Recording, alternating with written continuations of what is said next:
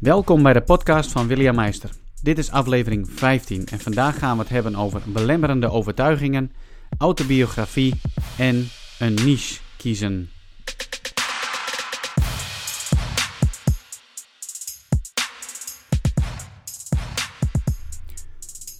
Soms kan het gewoon goed zijn om eens even een moment te nemen en naar je eigen leven, je levensverhaal te kijken van een afstand. Dus als het ware vanuit jouw helikopterview ga je kijken naar je leven. Um, ja, dat is ook een proces waar ik in, uh, uh, middenin zit. Ik ben druk bezig met uh, de outline van, van mijn boek. Ik heb al jaren een boek zeg maar, op de planning staan om te gaan schrijven. Ik heb inmiddels de juiste begeleiding gevonden van mensen die me hebben geholpen. hey, hoe ga je dat nu eigenlijk aanpakken? Want ik ben al meerdere keren begonnen, maar liep dan vaak vast. En dan is structuur wel een hele belangrijke. En ik heb nou een hele fijne structuur uh, aangereikt gekregen om daarmee aan de slag te gaan. En dat gaat gewoon uh, best wel goed. Daardoor neem ik ook de tijd om weer eens even stil te staan bij mijn eigen leven. En zoals ik al eerder in de eerste podcast heb gezegd, ik zal ook dingen vanuit mijn eigen leven delen, omdat ik ook graag een inspiratiebron wil zijn voor jou. Ik kan het zelf ontzettend fijn vinden dat als andere mensen openlijk vertellen over hun eigen leven en over hun eigen fouten, hun nieuwe inzichten die ze bijvoorbeeld hebben opgedaan. Weet je, dat geeft mij altijd weer inspiratie. Dat ik denk van, oh yes, ik ben gelukkig niet de enige die af en toe gewoon op mijn bek gaat. Of die er een puinzooi van maakt. Of die soms zijn haren uit zijn hoofd wil uh, trekken. Uh, er zijn gelukkig meer. En um, ja, dat is ook wat ik deze aflevering wil gaan doen. Ik, ik kwam erachter dat ik ergens in het begin van mijn ondernemerschap, ik ben nu vijf jaar aan het ondernemen, en ik ben best wel vaak uh, geswitcht, zeg maar, van uh, doelgroep, van niche. Ergens in het begin heb ik me laten beïnvloeden en dat is, zeg maar, een hele sterke overtuiging geworden. De eerste was, ik deelde met iemand toen ik begon met mijn coachingsbedrijf dat ik graag met ondernemers zou willen werken. Ik wilde gaan werken met de ZZP'er, de zelfstandige professional als je het zo wilt noemen. En die persoon waar ik wel tegenop keek, die zei tegen mij van William, leuk dat je dat wilt hoor, maar uh, dan moet je eerst zelf heel erg succesvol zijn, dan pas kun jij die mensen gaan coachen. Terwijl ik helemaal niet op de businesskant wilde gaan coachen, nee, ik wilde op dat moment gewoon aan de mindsetkant uh, gaan coachen. Ik dacht bij mezelf dat ik daar genoeg ervaring in had, maar ik koos er op dat moment voor om te luisteren naar de mening van die persoon. Die mening die werd een overtuiging van, oh jee, ik moet eerst dus heel erg succesvol zijn met mijn eigen bedrijf en dan pas mag ik mezelf bijvoorbeeld een coach voor ondernemers gaan noemen. Ja, weet je, dat is een overtuiging die ik toen heb aangenomen. Ik heb hem mezelf eigen gemaakt, ik kan het niemand anders kwalijk nemen en dat is dan een belemmerende overtuiging. Dus dat resulteerde erin dat ik me eerst uh, op anderen heb gefixt. Gericht bedoel ik. Um, later las ik een heel leuke e-book en dat ging ook over uh, kies je doelgroep, kies je niche. En ik heb daar een, een eerdere aflevering over gemaakt, bijvoorbeeld af, podcast aflevering 9 gaat er bijvoorbeeld over, hè, kies je niche. Waarin ik mezelf de overtuiging heb aangemeten van, oké William, wil jij succesvol worden met je bedrijf, dan moet je een doelgroep gaan kiezen. Dus je gaat of werken met mannen, of je gaat werken met vrouwen, of met beide, of een bepaalde leeftijdscategorie, of met jongeren. Of je gaat werken met mensen bijvoorbeeld met ADHD alleen, of je gaat, nou ja, noem het maar op. Je kunt het lijstje zo lang maken als je zelf wil. Want ik dacht namelijk dat het gewoon echt nodig was om een bepaalde doelgroep uh, te kiezen. En dat is ook wat je het meeste tegenkomt als je de literatuur over ondernemen uh, leest, is dat wat je tegenkomt. Dus ik kreeg een nieuwe overtuiging ik moet een doelgroep kiezen. Nou, ik heb er al heel wat gehad en uiteindelijk um, was het niet zeg maar helemaal naar mijn eigen tevredenheid. En het, het, het, bloeide niet helemaal zoals ik het wilde. En ik vond het ook lastig om een bepaalde uh, richting en dat ook te blijven vasthouden. Want het was niet helemaal in overeenstemming met, met wie ik ben.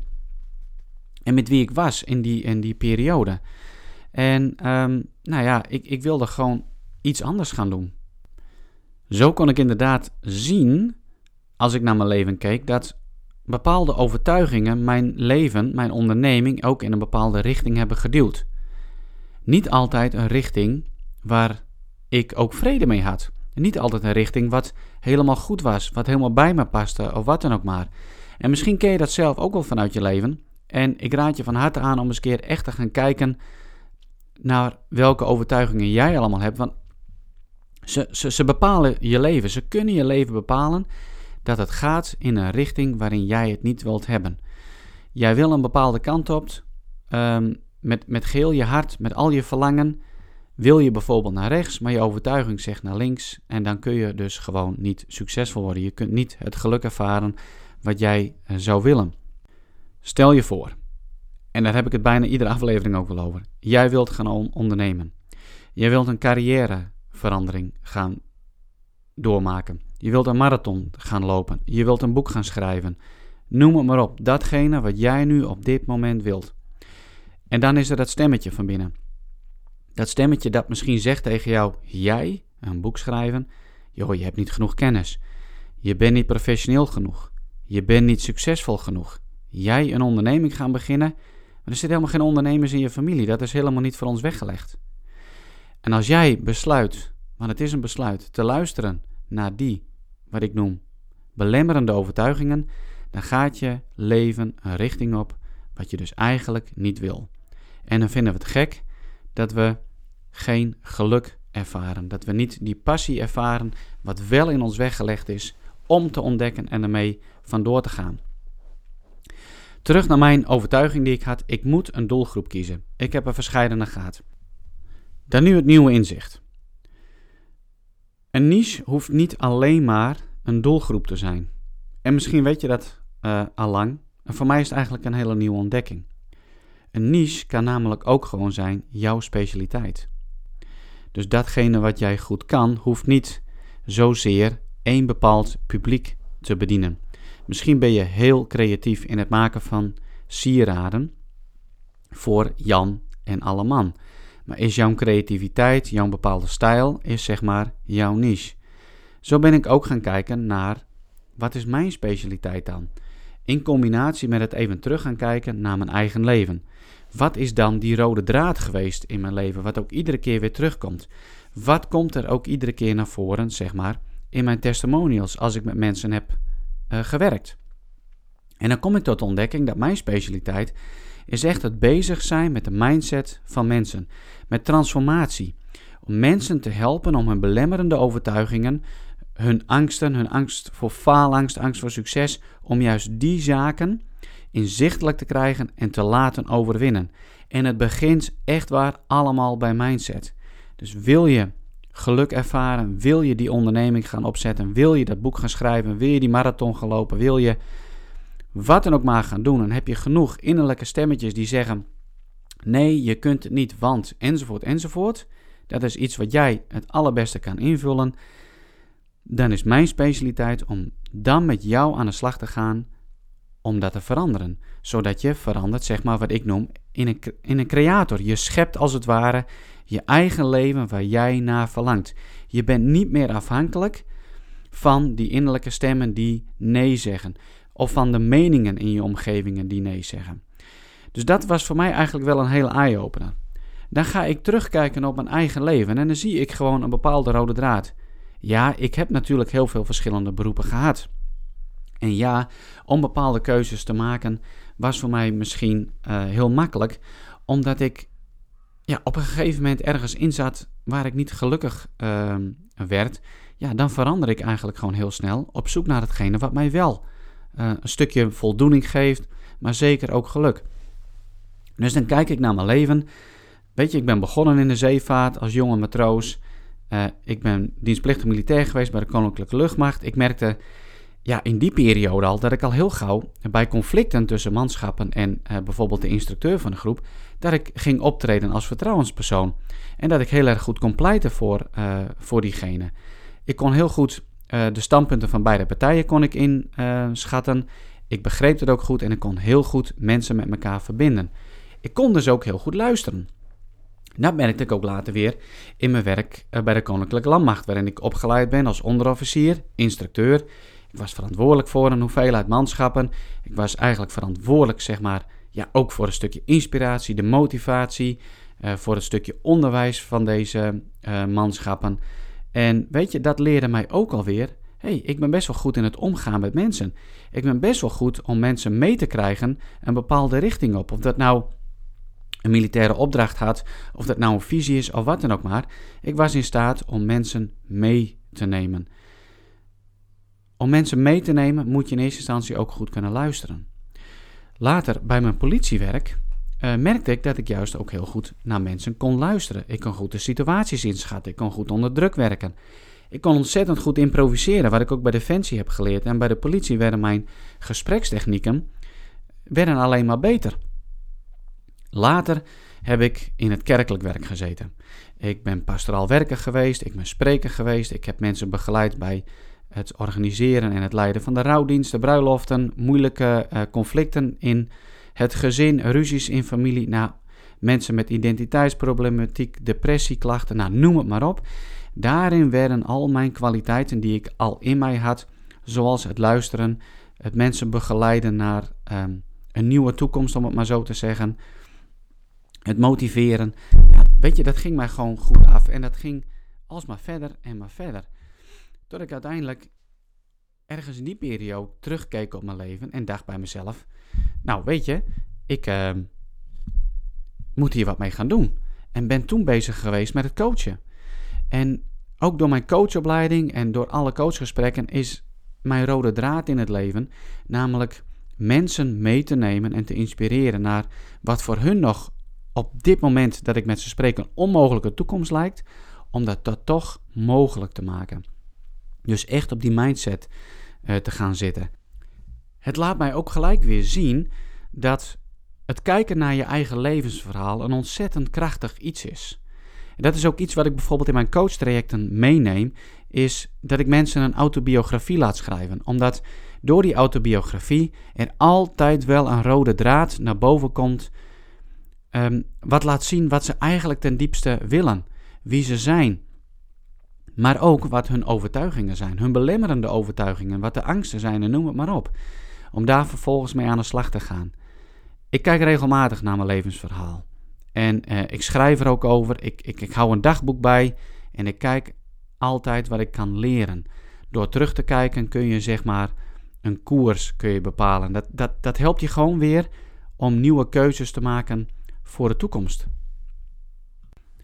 Mijn reis in het ondernemerschap is er eentje met vallen en opstaan, zoals die eigenlijk bij iedereen is. Er is niet een weg, één rechte lijn naar het succes. Wij als mens leren door te vallen, te evalueren, te opstaan en weer door te gaan, door aan te passen. Dat is succesvol ondernemerschap. In staat zijn om weer op te krabbelen, door te lopen, je koers um, bij te zetten, te veranderen.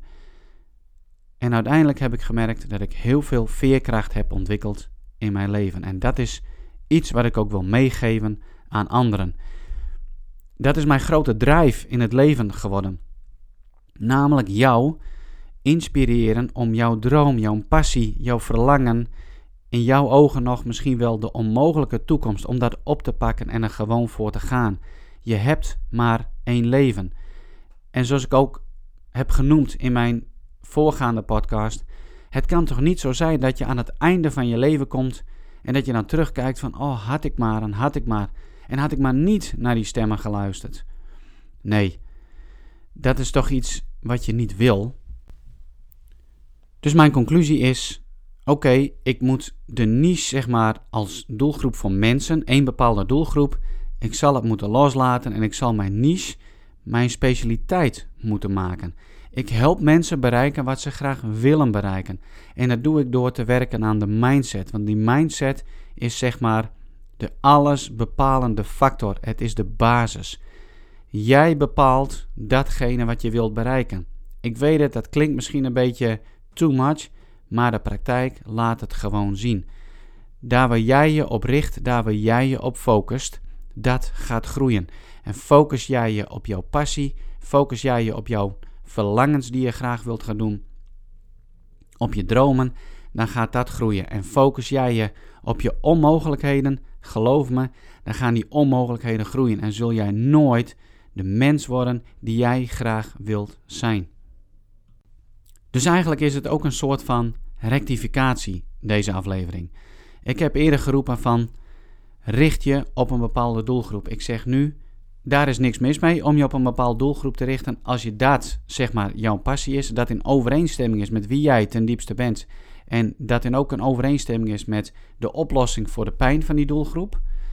Voor mij is het zo, ik hoef me niet langer te belemmeren om maar met één doelgroep bezig te gaan. Nee, ik richt mij op mijn specialiteit en hoe ik de mens, en of dat nou een ondernemer is, een manager, iemand die gewoon in loondienst is, nou, noem het maar op, een huisvrouw, het maakt eigenlijk niet uit. Nou, dit was het eigenlijk voor deze aflevering. Dit, dit wilde ik gewoon heel graag uh, ook met je delen. En uh, ik wens je heel veel succes toe. En ik hoop dat je het gaat oppakken, datgene wat in jou leeft, wat er in jouw hart leeft, dat je daarmee aan de slag durft te gaan. Dus uh, kom op, pak je dromen bij, pak je verlangen erbij en poets het op en durf ermee aan de slag te gaan. Ik weet zeker dat jij een droom hebt, jij hebt een verlangen, jij hebt een andere leven voor ogen dan dat je op dit moment leidt. Neem dat gevoel, dat verlangen, neem het serieus. Neem je droom serieus. Voor je het weet is je tijd voorbij en kun je het niet meer verwezenlijken. Laat je niet langer tegenhouden door die innerlijke stemmen, waar je ze ook ooit hebt opgedaan, die zeggen tegen jou dat je niet professioneel genoeg bent, dat je te weinig kennis hebt, dat het niet voor jou weggelegd is of dat het niet bij je past in je familie, cultuur of traditie, dat je het ondernemerschap induikelt. Kies voor iets anders. Kies ervoor te luisteren naar die droom die roept vanuit jouw binnenste. Het kan anders. Het mag anders. En dat is wat ik jou van harte gun. Dit was de podcast van William Meister. Ik zou het heel erg leuk vinden om wat van je te horen. Heb je ideeën? Heb je feedback? Heb je vragen? Onderwerpen die ik zou kunnen behandelen in mijn podcast? Stuur dan even een mailtje naar contact@williammeister. Op Twitter ben ik te vinden via @williammeister. Ik hoor graag van je. Tot een volgende keer.